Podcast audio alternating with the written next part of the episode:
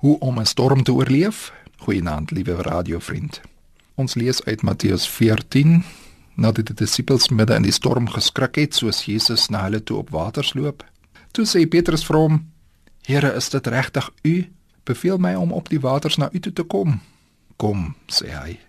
Petrus het uit die skuit geklim, op die water begin loop en naby Jesus gekom.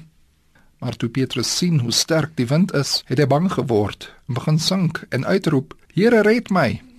Dadelik het Jesus sy hand uitgesteek en hom gegryp en vir hom gesê: "Klein gelowige, waarom het jy begin twyfel?" Die leser vandag is ons vermoë om op water te loop hang af van ons fokus. Het jy al daaroor nagedink dat dit inderdaad die Here is wat na jou toe kom wanneer jy voor uitdagings staan?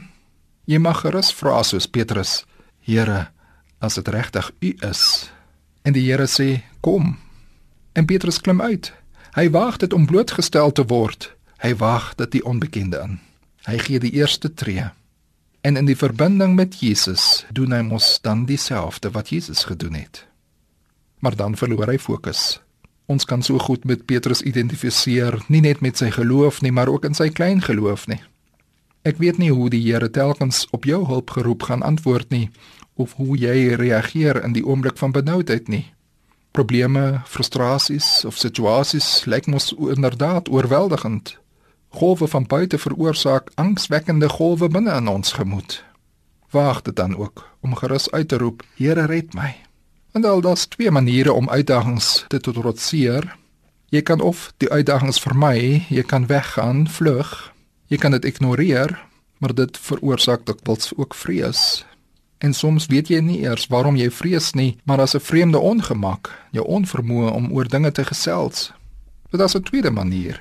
Jy kan die onbekende tegemoet gaan of toelaat dat die dinge na jou toe kom. Jy kan jouself blootstel, maar dan benodig jy 'n vaste anker en geloofsvertroue. Dit is definitief nie nodig om altyd te vlug nie. Jy weet mos met wie jy dit doen het. Jy is mos geborge wanneer Christus jou arm vasgryp. Jy het sy goeie woord ontvang. Wees gerus, dit is ek.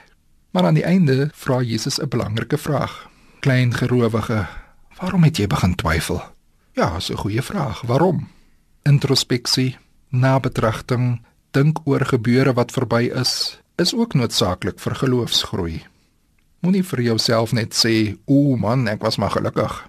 Nee, As jy vir die Here om hulp gevra het, ondersoek die verlede, hoe die Here ook in jou lewe kragtig aan die werk was. Kom ons vra nog een keer die Here vir sy gees.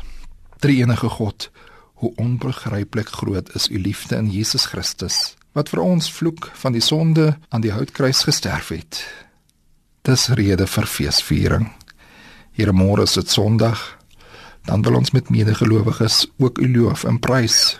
Laat u Gees ons vervul met ware verwondering oor die wonderwerke wat u in ons lewens doen. Laat u koninkryk kom. Amen.